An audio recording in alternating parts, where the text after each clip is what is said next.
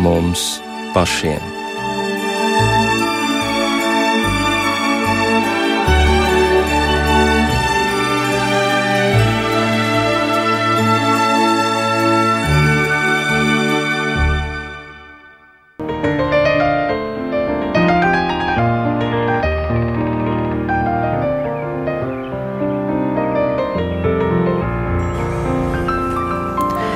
Esiet sveicināti raidījumā pāri mums pašiem, lai ir slavēts Jēzus Kristus. Studijā Inte Zēgnere un par skanējumu rūpējas Rīta Karnača, bet mūsu raidījuma viesis ir teoloģijas doktors, priesteris, Latvijas Universitātes humanitāro zinātņu fakultātes profesors Jānis Priede. Labvakar! Labvakar! Un šovakar mēs runāsim par mūsu izvēlēm un par iespējām atpazīt savu aicinājumu. Mums ir jāizdara desmitiem izvēļu pat vienas dienas laikā, dažas no tām ir mazsvarīgas, citas turpretī nosaka mūsu dzīves virzienu, un kā šīs izvēles izdarīt, lai tās nestu labumu, nevis postu, ko par to saka svētie raksti, un vai ir iespējams saņemt padomu no Dieva, stāvot kādas svarīgas izvēles priekšā. Un turpat arī otrs jautājums par mūsu aicinājumu šajā dzīvē. Kas tad ir mūsu īstais aicinājums dzīvē, kā to atrast? Un kā mēs zinām, ka visbiežāk jau mēs lēmumus tomēr pieņemam paši, bet savukārt svētajos rakstos redzam, ka tam dažkārt nav īpaši labas sekas. Uh, Jā, mēs varam sacīt, ka mēs mācāmies no savām kļūdām. Jā, mēs varam sacīt, ja vien es toreiz būtu aizgājis, piemēram, mācīties par juristu, nevis par violnieku, tad tagad man būtu gluži citādāka dzīve. Varbūt vajadzēja toreiz lūgt Dievu par īsto izvēli. Uh, vai kā citādi, tomēr izprast, ko tad īsti darīt, ko man ir Dievs šajā dzīvē paredzējis, kāds ir mans pareizais dzīves ceļš. Nu, un par to arī runāsim, tā tad par izvēlēm. Tā kā minēju svētos rakstus, kas ir varbūt tās spilgtākās, nezinu, pareizās vai nepareizās izvēles, ko mēs redzam uh, svētajos rakstos, un, protams, tās ir attiecināmas uz cilvēkiem. Svētie raksti, uh, tūkstošu gadu laikā rakstīta grāmata, un gandrīz katrā lapusē ir kāda izvēle sākot jau ar pirmajiem stāstiem par Ādamu un Ievu un viņu diezgan fundamentālo izvēli. Nu, protams, tas ir ārkārtīgi tāds gleznains stāsts. Ne jau viss ir eh, jāuztver eh, burts burtā, eh, un, un, un sarunas jau toreiz neviens magnetofonos neierakstīja, bet šajā stāstā par Ādamu un Ievu brīnišķīgā veidā parādās cilvēka izvēle, viņa paša izvēle, un tā izvēle tajā gadījumā bija es pats izvēlējos izvēlēšos to, ko es gribu, bet tu, Dievs, tu vari pastāvēt drusku pie ratiem, jo es pats gribu izlemt to, kas ir labs un kas ir ļauns. Nevis to, kas ir eh, varbūt patīkams, nevis to, kas man noder, bet to, kas vispār ir labs. Jā, kas, eh, nu, es to atzīšu par, par eh, manu dzīves principu un, un pateikšu, kas ir ļauns, un tad es būšu kā dievs. Tā bija pirmā izvēle, diezgan neveiksmīga, varētu teikt. Un, un tad jau ļoti daudz visas tās pārējās izvēles Dāvidām ar Batševu un tā tālāk. Jā, bet ja vēl pie šīs pirmās izvēles pakavējamies, tad tomēr jau gluži nebija, ka bija kaut kas tur jālīdzvaro svaru kausos, jo Ieva jau arī šau, šaubījās sākumā. Nebija tā, ka tas bija tāds fundamentāls viņas lēmums.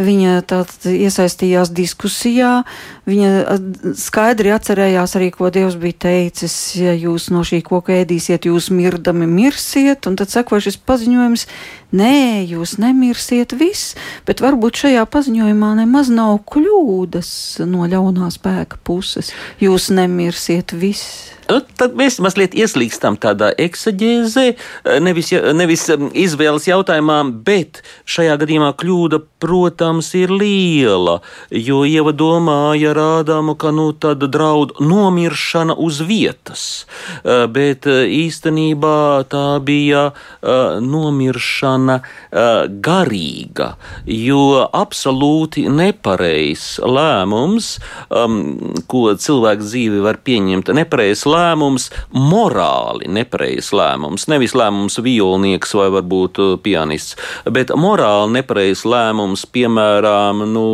nu tā radikāli varētu teikt, uh, sist kādam ar pudeli pa galvu, vai varbūt tomēr nu, iedot viņam padzerties.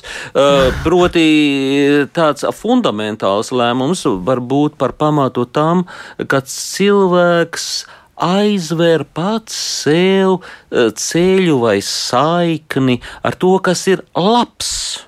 Un Dievs ir tas, kas ir labs, absolūti labais. Un cilvēks pats atsakās darīt labu, būt labs, proti, viņš sarauja saikni ar Dievu. Un tas bija tas Ādama un Ievas gadījums. Viņi sarāva saikni ar Dievu un saraut saikni. Tā fundamentāli saraut šādā veidā, nozīmē saraut saikni ar dzīvību, nomirt. Nu, nu, tāpēc jau baznīcā bieži vien runā par nāvīgiem grēkiem, nu, tajā ziņā, ka uh, tas izraisa dvēselē tādu stāvokli kā garīgā nāve, tāds pamirums, dvēseles pamirums, cilvēks staigā apkārt, viss ir kā labi, var papriecāties, var, var, var lasīt grāmatas, bet īstenībā nu ir tāds zombijs. Labi, bet mēs to jau faktiski varam arī nejust nu, paši. Jā. Un kurš gan to pateiks arī no malas? Protams, jā. Tātad tā kā, tas ir kaut kas apslēpts. Tas ir apslēpts, bet eh, kas ko nozīmē apslēpts? Parasti jau tās sliktās izvēles izpaužas darbībā. Protams, var būt slikts izvēles arī iekšēji. Cilvēks var turēt naidu un skaudību, un, un, un, un to slēpt un neizrādīt. Bet parasti jau tas kulminējās ar kaut kādu darbību. Kā tās izvēles parasti jau rezultējās uz āru, gan labās izvēles, gan sliktās izvēles. Un tas ir ļoti labi, jo mēs izvēlamies vai izdarīt kādam labu, vai izdarīt kādam sliktu.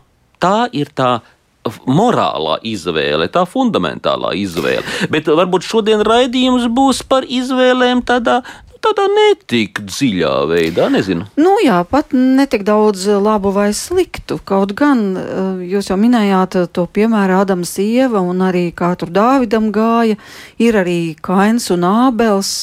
Un Dievs viņam saka, redzi, grēks stāv tavu durvju priekšā, bet tu valdi par to. Arī mācekļi izdara savas izvēles, savu izvēli izdara Pēteris un savu izvēli izdara Jūdas. Nu, visu laiku, gandrīz katrā Bībeles lapusē, mēs varam saskarties ar kādu no izvēlēm.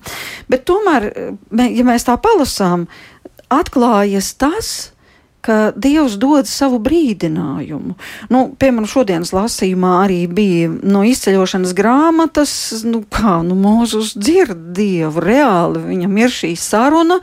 Un ir šis apsolījums, ja jūs sekosiet, jūs būsiet mans sevišķais īpašums visu tautu vidū. Tātad tas ir apsolījums no Dieva. Nu, bet tas ir tādā gadījumā, ja Dievs runā, ja Viņš brīdina, ja, ja mēs uh, dzirdam šo viņa brīdinājumu, bet tas ir atvainojiet ekskluzīvi. Nē, Dievs ir runājis diezgan skaidri. Uh, Mūsdienās? Jā, varētu teikt, ka mūsu kultūra vidē uh, tas ir ļoti skaidri. Um, balss šī ir sadzirdama, vai biežāk varētu teikt, izlasāma. Jo mm, ne jau, vēl, ne jau velti uh, Bībeli sauc par dieva vārdu.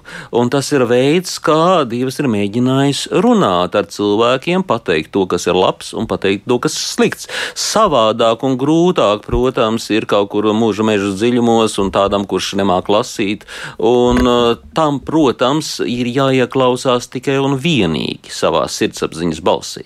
Ja sirdsapziņas balss uh, strādā un darbojās jebkuram cilvēkam, vai nu viņš ir lasījis Bībeli un tīpaši jauno darību, ko Kristus saka, uh, vai arī nav. Tā kā jau sirdsapziņas balss daudz ko pasaka ļoti skaidri, un nav cilvēkam tāda attaisnojuma, ka ai, ai, Dievs, tu nerunāji pārāk skaļi, un, un, un vispār es biju izslēdzis radio, es tevi nevarēju dzirdēt. Uh, nē, uh, pietiek ieklausīties sevi, un cilvēks jau īstenībā zina, vai viņš darīs labu vai viņš darīs kaut ko, ko galīgi nevajadzētu. Bet, nu, kam būs labi rezultāti, varbūt viņš cilvēks sev attaisno, ka, nu, jā, nu, šito es šoreiz izdarīšu, varbūt nākošais nē, bet, bet nu, lai jau, lai jau. Tā kā cilvēks to zina.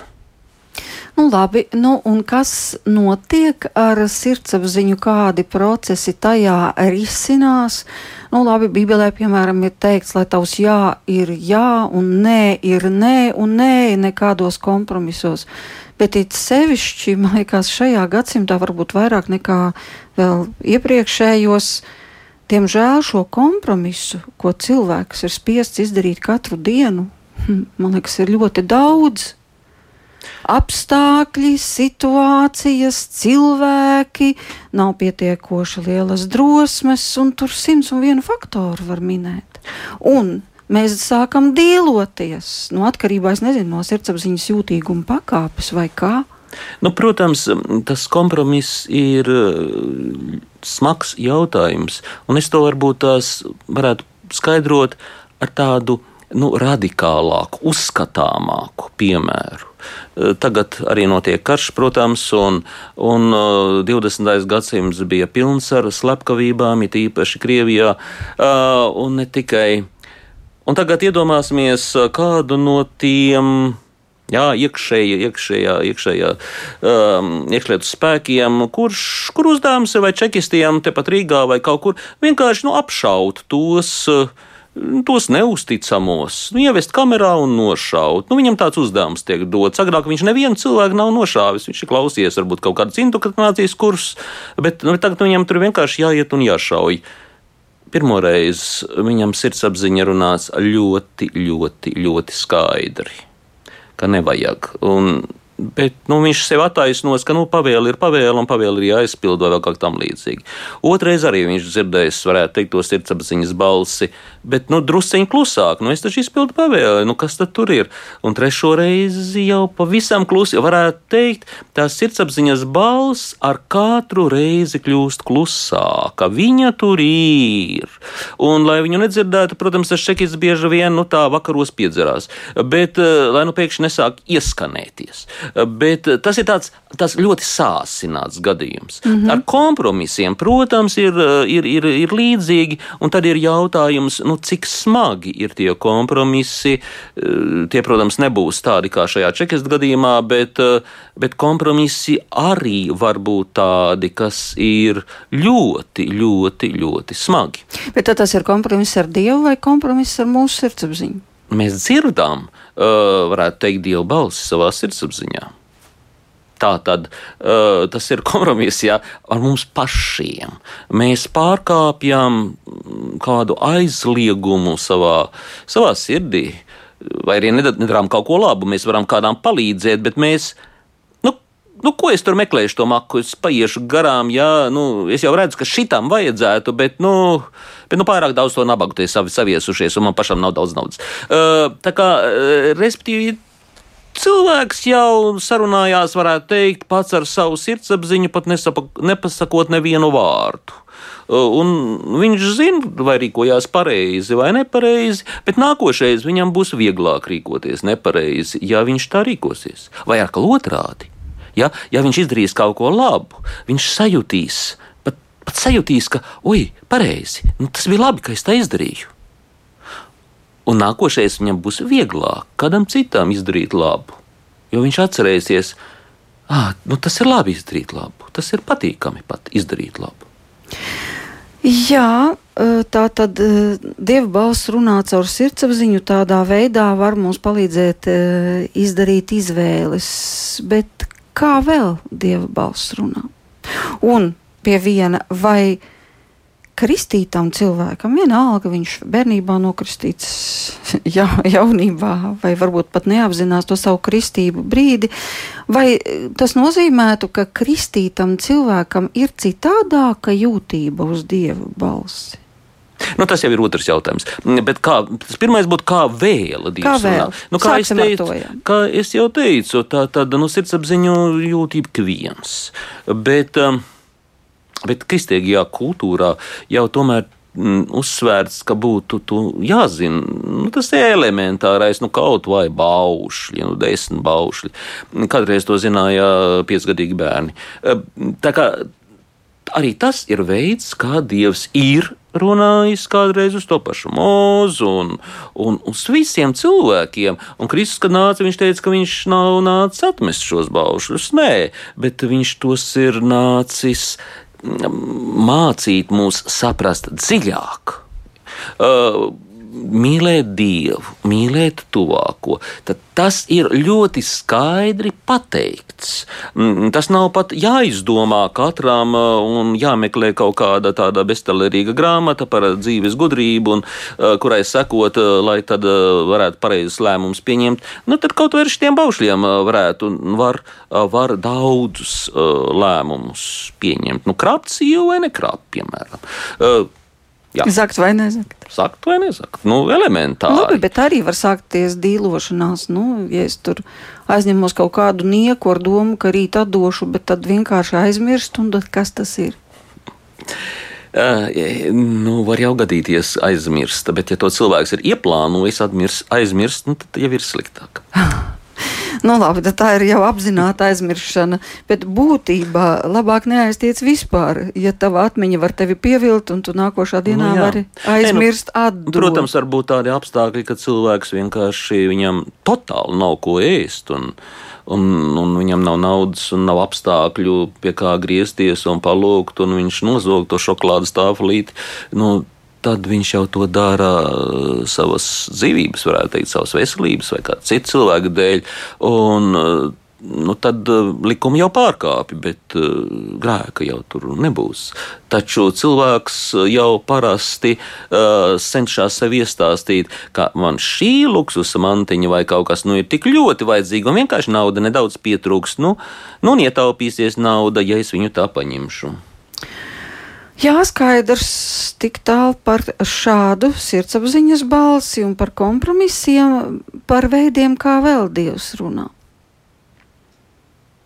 Ar Nu- piemēriem, ar labiem piemēriem mēs redzam labus, labus piemērus, teiksim tā, kā cilvēki ir rīkojušies pašaizliecīgi. Varbūt mūsu vecāki mums ir pat par piemēru, cik ļoti viņi ir rūpējušies par mums un cik daudz ir ziedojuši nu, no savas, varbūt no veselības, no savas, savas iespējamās atpūtas un tam līdzīgi, lai nodrošinātu labus apstākļus. Vecāki var kalpot par piemēru, bet uh, var jau kalpot par piemēru arī kādas izcilas personības. Piemēram, katoļu baznīcā vai citās senajās baznīcās uh, vienmēr tiek augsti vērtēti svēto piemēri. Uh, Svētie, kuri ar visu savu dzīvi ir tiešām parādījuši, Nu, labi, ka viņi ir jā- cienīgi būt svētie. Un, un kas tad var būt vēl lielāks piemērs par Kristus personu? Nu, tad Nu, nu, skatāmies uz to. Kristus personu, protams, mēs neapšaubīsim, bet toties par svētajiem, tur gan eh, var būt, vai cilvēks nevar iekrist tādā veidā depresijā, saprotot, ka, nu, man līdz tādai garīguma pakāpē vienkārši šajā dzīvē sasniegumu nav. Nu, ja tu savu dzīvi salīdzini vienalga ar ko, ar māti Terēzi, ar Svēto Francisku, ar jebkuru no tādiem pazīstamajiem svētajiem, tu taču saproti, ka tavā priekšā ir Everests. Un ka vispār tev jāsāk pārdomāt, vai tu vispār esi kristietis. Un tas var novest lielā grūtsirdībā, vai ne? Nē, jo Kristus neteica, sekojiet svētajai Terēzē no Kalkutas. Uh, viņš teica, sekojiet man. Viņš Jā, teica, nu, sekojiet bet- man. Tā ziņā svētie var kalpot par tādu labu priekšzīmi, ka ir jāieklausās un jāseko dievam, bet nevis par totālo paraugu, ko atdarināt. Nu, Svētais Francisks uh, uh, sludina zivtiņām. Nu, tagad es arī iešu pie tuvākā uh, baseina vai strūklakas sludināšu Es zivtiņām. saprotu, citu, to būtu Nu, diezgan nē. viegli izdarīt. Jā, Mēs jā, jau tur jā. varam Tā stāvēt kā, no rīta līdz eh, vakaram. nav- Bet, bet, bet, kas attiecās uz māti Terēzi, tur gan ir par ko padomāt. Tad, kad mēs redzam, piemēram, kā šīs māsas kalpo, kā viņas ir spējīgas noliekties patiešām, nu, es atvainojos pie nepatīkamu smaku pārņemta bezpajumtnieka un, un mazgāt viņam kājas un pārsiet vātis, tu tajā brīdī saproti, bet es to laikam nevarētu. Pat tur vārds laikam iespējams ir liekas.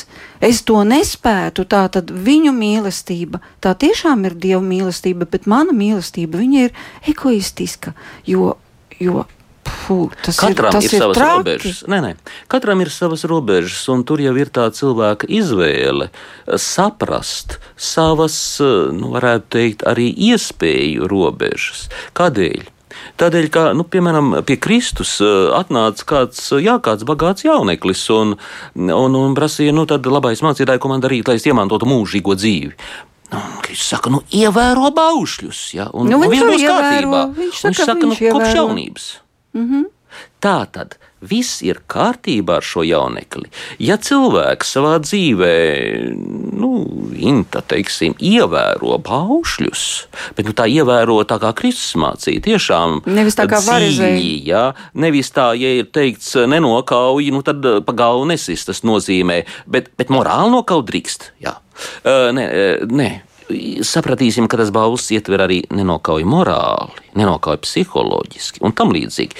Proti, eh, ja mēs, ja mēs ievērosim baušļus, ar to pilnīgi pietiks. Un jebkurš cilvēks ir, ir spējīgs ievērot baušļus. Taču eh, tas jauneklis nu, teica, es to esmu darījis. Nu, un Kristus saka, ievēro baušļus, ja, un, un, un tu tiks izglābts. Bet, ja tu gribi būt pilnīgs, nu pārdod visu, kas tev ir, un nāc un seko man. Un nav jauneklis aizgāja, jo viņam laikam bija ļoti daudz šķūnīšu un tam līdzīgi. Viņš negribēja no tiem šķirties, un, uh, un aizgāja bēdīgs, jo viņš, nu jā, viņš saprata, viņš saprata, ka viņš negrib būt pilnīgs. Varbūt viņš grib, Jā. bet viņš nespēja. Nu, viņš nespēja, tā bija viņa izvēle. No vienas puses, pietiek. Tik tiešām godīgi ievērot visus šos baušļus, eh, no otras puses, ja grib būt pilnīgs, tas jau ir aicinājums uz kaut ko vairāk. Tas ir aicinājums, ej un seko man. Tas ir aicinājums, nu, Kristus saka, pārdot, tas aicinājums uz šo nabadzību, paklausību, uz šo šķīstību, proti uz to, ko izvēlas, nu, vienmēr izvēlējušies vientuļnieki, mūki, uh, garīgās māsas, māsu ordeņi un kongregācijas. Proti, tas jau ir uh, cits, cits status, varētu teikt, un tādu statusu, tādu kalpošanu bija izvēlējusies Māte Terēze. Protams, tas neaizliedz arī mums savā dzīvē censties, nu, būt līdzināties, ma mazliet līdzināties mātei Terēzē, vai nu kopjot kādu smagu slimnieku, kas ir mūsu ģimenē, vai vienalga darot kaut ko labu un palīdzot. Tas jau neaizliedz uh, to darīt mazliet, mazliet, nu, nu, būt līdzīgai uh, vai līdzīgam uh, mā, māsai Terēzei. Tas var palīdzēt mums dažos gadījumos, bet tas ir kaut kas vairāk nekā no mums ir prasīts tas ir kaut kas, ko mēs varam dot labprātīgi, ja tā ir mūsu izvēle. Bet vai tas neliecina par kaut kādu mīlestības līmeni, kāds mums ir pret Dievu? Ja, ja, šis, ja šī deksme ir liela, tad nu, man priekš tevis nekā nav žēl. Nu, es darīšu jebko, tikai, tikai, tikai padod man ziņu nu, es būšu gatavs uz jebkuru varoņu darbu, nu, tad tā nostāja ir tāda. Jā. Tad es tā kā ne, neaprobežošos ar to kastīti, kurā ir desmit baušļi, un teikšu, halo! Bet Pirmkārt, otrkārt, treškārt, ceturkārt, jūs man nevarat piesieties, vai ne? Debesu valstības durvju priekšā. Problēma ir tā, ka tāds cilvēks gaida nu, no dieva tādu, jā, tiešām skaidru paziņojumu. Es tevi gribu redzēt kā māti Terēzi. Bet kamēr to paziņojumu nav saņēmis, viņš saka, nu, kamēr dievs nepaziņo, man jau tie baušļi nav saistoši. Tur jau tā problēma ir. Jā. Kad Dievs man aicinās, es būšu pavisam, pavisam svēts, bet nu, pagaidām, pagaidām Dievs man neaicina, nu, tad es tos, jā, es rīkojos ar tiem visiem kompromisiem, kā nu šī dzīve prasa. Tur jau ir tā problēma. Tā ir brīdī, kad cilvēks tiešām centīsies dzīvot saskaņā absolūti ar savu sirdsapziņu, viņam būs daudz vieglāk. Nu, sadzirdēt sevi, vai Dievs viņu aicina uz kaut ko vairāk, un vai arī viņam saka, ka viņam ir šis dzīves stāvoklis ideāls, labs, un ka šajā dzīves stāvoklī vienalga, kas tas ir, ģimenes māte, kurai ir daudz bērnu un jāskrien apkārt un par viņiem jārūpējās, arī te var sasniegt ne mazāku svētumu kā māte Terēze, kurai savu bērnu nebija, bet kura rūpējās par tūkstošiem. Nu, tātad katram savs aicinājums. Tātad turpinām par izvēļu izdarīšanu. Kā tomēr, ja dievam ir vislabākais plāns mūsu dzīvei, tad kā sadzirdēt, piemēram, kas attiecās uz mūsu domām? Var taču Dievs runāt domās, bet tad kādā veidā atšķirt, vai tās ir mūsu domas, vai tā ir viņa inspirācija? Domāju, ka cilvēkam Dievs ir devis racionālu prātu. Tādēļ no vienas puses ir vispirmām kārtām jau jādomā ar loģisko domāšanu. Un it, it, it īpaši kaut kādās lēmumos, kur ir laiks to apdomāt, kur nepietiek eh, ar to mirkli, nu, nu kā pareizi rīkoties, gan arī automātiski. Ja ir laiks pārdomāt, tad, eh, tad, tad ir jāizmanto šis brīnišķīgais līdzeklis, eh, kas ir prāts. Un viss, jebkuru jautājumu var pārdomāt ļoti, ļoti loģiski. Ja grib, var pat paņemt papīru priekšā un, un, un, un sev rakstīt pa punktiem. Protams, pirmām kārtām izdomāt, nu, kas ir tas fundamentālais jautājums ja, cilvēkam. Un pēc tam jau ir zināmi noteikumi, kā palūkoties uz šo jautājumu plašākā kontekstā. Un, Jā, un beigās nonāk pie secinājuma. Tā kā ja varam, ja varam iedziļināties šajā skatījumā. Piemēram, nu, tas ir prāta līmenis. Tātad, piemēram, nu, piemēram cilvēks domā, nu, par ko kļūt. Jā. Jā, par ko kļūt. Bet nu, paskatīsimies eh, tādā kontekstā uzreiz. Ja cilvēks domā plašāk, tad viņam ir jāpadomā par sevi. Kas viņš īstenībā, eh, ko viņš īstenībā grib visvairāk? Jo kādreiz liekas, ka man visvairāk vajag nu, vienkārši būt bagātam vai Eh, kaut būt gudrām un tam līdzīgi. Jā, tas viss ir noderīgi. Bet vai tas ir tavs dzīves mērķis? Ja? Kā, vajag izdomāt, kāds galu galā ir mans dzīves mērķis, par to vienoties, var teikt, pašam ar sevi, un pēc tam risināt jautājumu, nu tad, eh, kādu darbu izvēlēties. Ja? Nu, respektīvi, tas būtu tā iedomājies sevi nākotnē? Jā, arī tas ir viens no paņēmieniem, kā to darīt. Nu, piemēram, iedomāties, kad jau ir nu, tagad pagājuši visi tavu darba gadi, pensijas gadi, pat pensija ir liela nopelnīta, un, un ka beigu beigās jau nu, drīz būs jāmirst nost. Un iedom, var iedomāties cilvēks sevi tādā brīdī, un tagad viņš iedomāties, ka viņš atskatās uz visu savu dzīvi, par savu izvēli. Ko tad darīt? Nu, tagad kļūt par karavīru, vai kļūt teksim, par ārstu, vai kļūt varbūt par mācītāju, priesteri, vai, vai varbūt vienkārši par dzīvnieku. Nu, tad viņš paskatās atpakaļ uz to savu, iedomā, viņš iedomājās sev vecumā, paskatās un no vecuma pozīcijas paskatās uz sevi tagad jaunībā. Nu, ko viņš domās par šo tagad izvēli. Nu, vispār kādas 10, 20, 30 gadus pastaigāt kā hipijam apkārt. Un, un nu, tā, tikai vakarā kompānijas, nauda tā kā vēl būtu. Un, Un neko tā īpaši daudz nedarīt. Tā būtu viena izvēle. Vai varbūt par izvēli, nu tad jā, iet armijā un aizstāvēt savu dzimteni, vai kļūt par ārstu un palīdzēt cilvēkiem tādā veidā, vai kļūt par skolotāju tad paskatoties atpakaļ, kāds kāda būs reakcija? Oh, un varbūt te mēs varētu apstāties pie divām izvēlēm, ko jūs pats esat izdarījis savā dzīvē. Tātad pirmā, pirmkārt jūs izdarījāt izvēli būt par ārstu, un par tādu arī kļuvāt, kā es saprotu. Un, un Jā, tas ir taisnība. Es, un kā jūs šo izvēli izdarījāt? Nu, taču ne jau automātiski. Jā, man bija trīs izvēles. Vai nu kļūt par meža sargu, vai kļūt par ārstu, vai kļūt par, jā, par priesteri, par garīgu. Kā tas viss bija vienlaicīgi, uh, vienā nu, laikā? Nu, tā, tā, tā likās, ka dzīvē varbūt ir vērts par kaut ko tādu padomāt. Nu, tad, tad tas starp, starp meža sargu un ārstu bija ļoti vienkārši izvēle. Nu, meža sargs rūpējās par kokiem, tas labums Nu, labums ir kokiem, bet mežsargam arī diezgan daudz ir koku jācērti vai jāorganizē ciršana un tā tālāk. Un man žēl, koku negribās. Bet par ārstu, par ārstu tomēr ir labāk, jo ārsts nu, nevienu tā cilvēku nenogalina. Toreiz nebija tādas eitanāzijas. Uh, tad ārsts nevienu nenogalina, un, un Hipokrātas zvēras aizliedz nogalināt un dot kādam indi vai tam līdzīgi. Un um, ārsts tomēr cenšas darīt labu cilvēkiem. Tad, tad mežsargs atkrīt. Uh, es gribu būt par ārstu, bet īstenībā jau toreiz es labi zināju, ka es gribu kļūt par garīdznieku. Bet kāpēc tad izvēlējāties? Tie bija padomju laiki, un bija skaidrs, ka vispirms ir jāiegūst tādā laba izglītība, lai, lai nu, dažādi biedri no rajona komitejas nevar, nevar tev, uz tevi skatīties kā uz tādu gandrīz vai pusanalfabētu, kas lūk ir izvēlējies būt par priesteri un tam līdzīgi.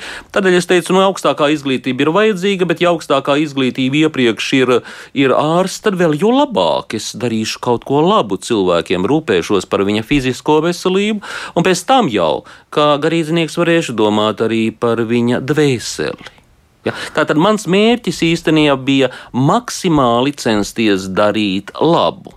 Un, uh, Tā, tas izriet no tā, uh, ka apmēram ir skaidrs cilvēka dzīves mērķis. Bet kā jūs viņu atpazināt? Nu kā, trīs domas vienlaicīgi - mežsargs, ārsts, priesteris. Maksimālais labums, jā, no vienas puses. Un tas, kas man Tieši, patīk, jā. darīt labu. Jā, tas man patīk labāk nekā rakstīt dzējas. Nu, dzējas rakstīt ir skaisti, bet nu, labi, arī brīvā, ir, protams, brīvjos, brīvjos jā, hobijs. Uh, bet, uh, bet, Bet, bet, bet man patīk, ka tā bija mana izvēle. Kādēļ? Tādēļ, ka ir skaidra dzīves pamatjēga.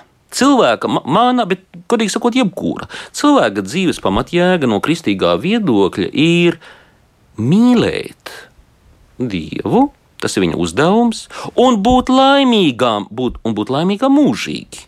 Nevis tikai nu, tajā brīdī, kad, kad man būs tāda ļoti smalka mašīna un arī vasarnīca diviem, diviem stāviem vai kaut kas tamlīdzīgs.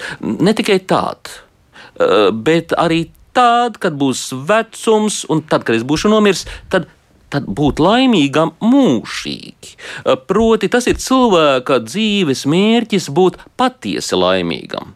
Tā mašīna man nepadarīs laimīgu. Nu, Tiklīdz viņa man būs, nu, vajadzēs būt jauna vai kā.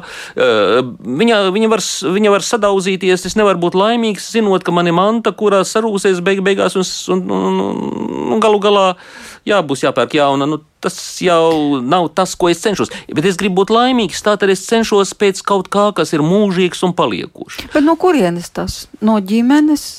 Vai nu kādā veidā? Tas ir racionāli. Jo, pilnīgi racionāli. Tas ir interesanti tomēr, jo hm, man jau vienmēr ir šķitis, ka aicinājums uz garīgo kārtu, aicinājums kļūt par mācītāju, tie aicinājumi ir bijuši ļoti dažādi, un visi tie tomēr vairāk ir, vai mazāk ir bijuši pārdabiski, ka tā dzirksts pēkšņi piešķiļās.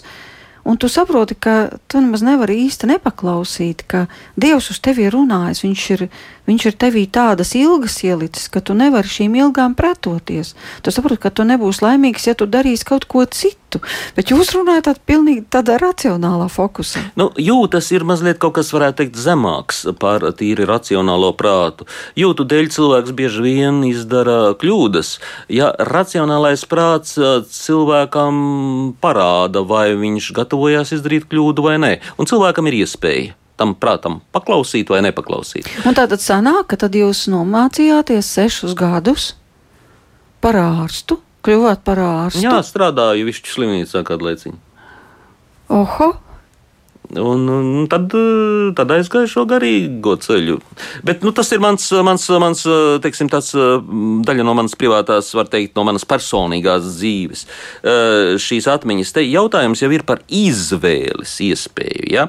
Un izvēles iespēja ir apzināties savas personīgās dzīves pamatmērķi. Kāpēc es vispār vispār eju skolā, kāpēc es vispār izvēlos kaut kādu profesiju, kāpēc es izvēlos nu, precēties vai neprecēties, kādēļ es kaut ko izvēlos dzīvē. Mm -hmm. ja, tas, ja tu saskatīsi to gala mērķi, kas ir augstāks gan par profesiju, gan par skolu, gan par visu pārējo, nu, tad, tad jautājums ir tikai par veidu, līdzekļiem, nu, kādā veidā vispiemērotāk man, maniem talantiem, teiksim, nu, man nav mūzikas talanta. Tad, tad, tad acīm redzot, es par komponistu nezinu, vai gribu kļūt, jo vienkārši nav talanta nav arī tāda vilinājuma un īpaši patiks, proti, saskaņā ar savu dabu, kā es vislabāk varu sasniegt šo visaugstāko mērķi, būt patiesi laimīgs, nebaidoties, ka, nu, jā, tā laime man pazudīs parīt. Nē, ka es būšu vienmēr laimīgs un absolūti un pilnīgi laimīgs. Tā kā eh, tas, es domāju, tas racionālās pārdomas ir pamatā jebkurai mūsu izvēlei, tās ir nepieciešamas. Ja tādu pārdomu nav, tad cilvēks bieži vien seko nu, impulsam, uh, tas nav īpaši labi. Un par aicinājumu mēs teiktu tā, nu kas ir aicinājums? Jā, no vienas puses mēs varam būt just aicinājumu. Ja kāds cilvēks saka, just aicinājumu, mm -hmm. es arī varu just aicinājumu, kā, nu, godīgi sakot, es būšu kosmonauts un, un jūtu aicinājumu, pilnīgi lidot ap zemi tā vairākas reizes un aizlidot uz mēnesi un atpakaļ. Es varu just aicinājumu, bet nu, es tam neesmu piemērots. Ja, tā jūšana, ja, tas, nu, tas ir ārkārtīgi kaut kas subjektīvi. Uh, jā cilvēks var sekot, viņam var būt arī, protams, talanti, un viņš var sekot savam šāda, šāda veida aicinājumam, jā, lūdzu, bet. Mm, ja runājam par baznīcu, tad baznīcā ar aicinājumu saprot kaut ko citu. Ja? Ko tad? Cilvēks var just, nu, piemēram, kā es, just, ka nu, viņš tā kā grib būt par mācītāju. Bet tas vēl nav aicinājums. Kas aicinājums, ko nozīmē aicinājums? Aicināt nozīmē pasauli kādu un teikt, uh, paklau, nu, eh, nāc un seko man. Kristus aicina. Ja? Vai cilvēks nu, aiziet uz garīgo semināru vai vēl kaut kur, mācās teoloģiju ilgus gadus, un ar tādu ideju, ka, protams, beigās varētu uh, kļūt par priesteri vai par diakonu vai nu, vienalga kādā veidā kalpot, un aicinājums būs tāds, kad nu, baznīca, īskaps, teiksim, vai kāds ordenim, kāds uh, ordeņa priekšnieks vai kāds cits garīgais uh, vadonis vai vadītājs teiks, uh, paklau, nu, tev, tev, ir, tev, tev ir aicinājums tajā ziņā, ka mēs tevi aicinām. Ja? Tad cilvēka tas jūšanas aicinājums saskanies ar to, kas ir aicinājums. Viņš tiek aicināts uz kaut kādu darbu. Tā ir appusēja izvēle, nevis viena izvēle. Tādēļ nevar, teikt, tādēļ nevar viens teikt, es esmu aicināts būt par, nu, par bīskapu. Ja? Vai dieniņās, nu, tad, kad baznīca izdarīs šo izvēli, tad tu būsi aicināts būt par bīskapu. Tā kā, nu, tas jau ir runa, ir runa par amatiem, bet runa par sekošanu, teiksim, tieši tādā kārtā kalpošanas, nu kā mācītājs kalpo, kā garīdznieks kalpo, vai tad kāds vispār to spēja, ja Dievs viņu nav aicinājis? Tas ir pārdabisks aicinājums. Jā, dažam labam tas pārdabiskais aicinājums ienes lielu naudu. Kā teica Habards, kas nodibināja Dianētiku, viņš teica, viņš teica tā, ka, nu vismaz tā saka, ka viņš teica, uh, tad, uh, Viņš teica, ja tu gribi būt bagāts, nu nodibini savu uzņēmumu. Nu, es esmu uzņēmējs, biznesmenis. Uh, bet viņš saka, bet ja tu gribi ļu, būt ļoti bagāts, nu nodibini savu reliģiju ja, un esi mācītājs. Tā kā šādu, šāda veidu reliģiju, kur, kur ir gatavi iekasēt nu, 10% no tevis apsolot, ka, ja tu daudz dosi naudiņas, tad tu būsi nu, pārticis un, un, un tā tālāk, šāda biznesmeņu reliģijā jau ir, bet, bet vai tas ir aicinājums? Nu, labi, mēs tā kā pievērsāmies nedaudz emocijām. Uh, Un ir pat tā sacīts, ka pirmā bāka, kas signalizē virzienu, tās ir ilgas, ka tu ilgojies pēc tā. Nu, tātad labi jūsu gadījumā vienkārši pēc dieva klātbūtnes, pēc debesu valstības, pēc dzīves, kas ir mūžīga. Tas jau signāls. Nu, tas tā kā atkārtojās, šī bāka signalizē ik pa laikam. Pēc tam ir sacīts, ka otrā bāka tie ir notikumi. Ka skaties uz savas dzīves notikumiem, vēro zīmes, un atkal, nu, kā tās vērot? Nu, vai tev ir talants izrēķināt matemātikas uzdevumu vai nē? Nu, labi. ja ir, tad, tad jūs, teiksim, tiešām mācīties tālāk fizmatos. Bet, ziniet, ir tādi ģēniji, kuriem ir talants uz visu. Īpaši mūziķu vidū, starp citu, fizika, matemātika, ķīmija, jebkas tas pats Aigars Raumanis, labi pazīstamais saksofonists, viņam ļoti labi padevās gan fizika, gan ķīmija, bet kaut kāds klikšķis dzirkstelē nostrādāja saksofonists. Vai Dievam vispār ir svarīgi, ko mēs izvēlamies? Vai tā ir mūsu privātā darīšana? Lielā mērā Dievs grib, lai mēs būtu laimīgi. Un, ja mēs esam laimīgi spēlējot saksofonu, tad Dievs var tikai priecāties, ka mēs esam laimīgi spēlējot saksofonu. Un, um, tā jau nav varbūt tik būtiska izvēle. Izvēle kādreiz, iz, lai būtu tādu būtisku izvēli izdarīt. Um, Tur ir drīzāk izvēle starp dzīves stāvokļiem. Kādu stāvokli es gribu savā dzīvē izvēlēties, vai garīgu šo ceļu, pilnības ceļu, vai es eh, gribu aprobežoties ar šo ceļu, kā es teicu, paušļu ievērošanu. Un tad arī jautājums, kādā līmenī šos paušļus tiešām ievērot. Proti, cilvēkam ir eh, tā mierīgi jāpārdomā, cik tālu viņš ir spējīgs uh, būt pilnīgs. Un tā arī censties. Ja? ja tas ir kaut kas labs virzienā uz labu, tas ir virzienā uz Dievu vienmēr. Nu jā, bet tomēr mums vēl palika ne līdz galam atbildēts jautājums par to, vai kristītam cilvēkam ir citādāka jūtība uz dieva balsi. Nu, ir taču tie skaistie vārdi Jāņa atklāsmes grāmatā, kur aizvien biežāk tieši pēdējā laikā tiek citēta un dažkārt pat vilkts ar pirkstu līdzi, redzot, ka kā, mēs jau dzīvojam pēdējo laiku notikumos, kā sāsinās visi procesi pasaulē, un tur ir sacīts, redz, es stāvju durvju priekšā un klaudzinu, un ja kāds dzird manu balsi un durvis atdara, es ieiešu pie viņa un turēšu ar viņu mīlestību, un viņš ar mani.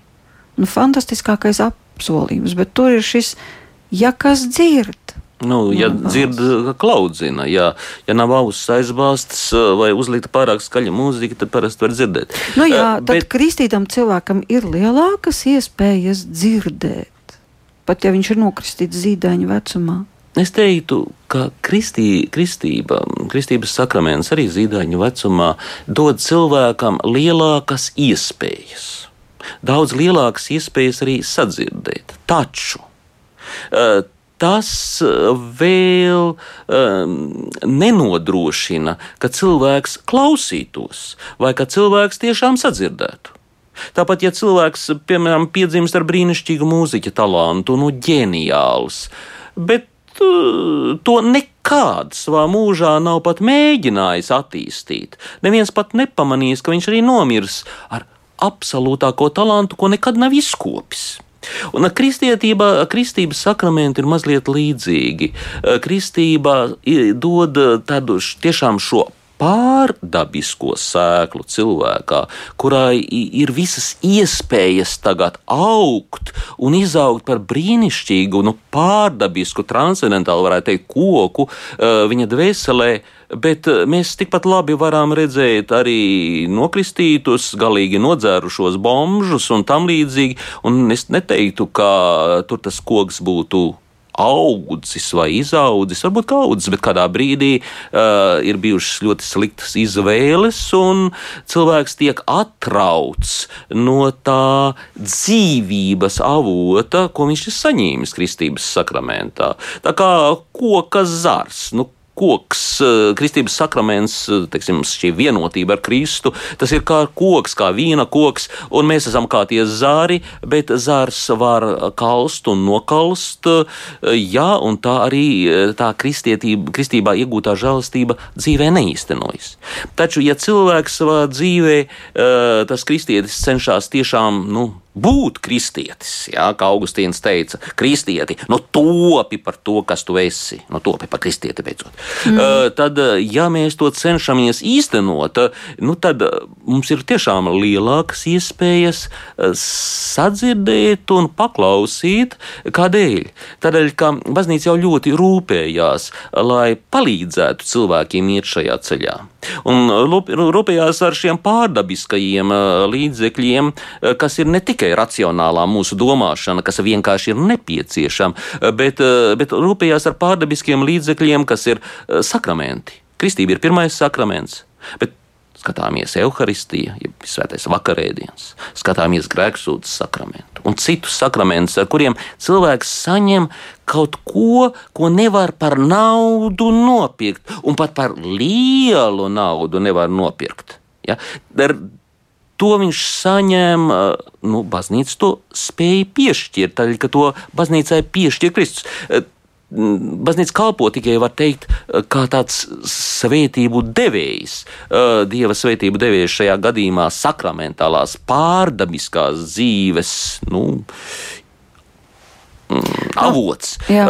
Un Tādēļ kristietim ir vieglāk augt, garīgi attīstīties par tādu, eh, ja viņš to dara, par lielāku trauku. Sākumā viņš ir no tāds maziņš trauciņš, neizaudzis, kur var ielikt daudz laimes, nu, vai drusciņu laimes. Un tas kaus būs pilns un cilvēks būs laimīgs. Bet kristietim ir iespēja izaugt par lielu kausu un varbūt ļoti, ļoti laimīgs. Bet nu, abi būs vienlīdz laimīgi, gan tas mazais, gan lielais. Taču cilvēks, kurš ir nokaltis kristietībā, atrauc no kristietības, viņam saglabājas iespēja. Iespēja jebkurā brīdī, ja kaut vai pēdējā mūža dienā, uh, nu, nožēlot no sirds, vēl pasaukt priesteri, vēl izsūdzēt grēkus uh, un, un izmainīties. Nu, viņš būs tas mazais kausiņš, laimīgs.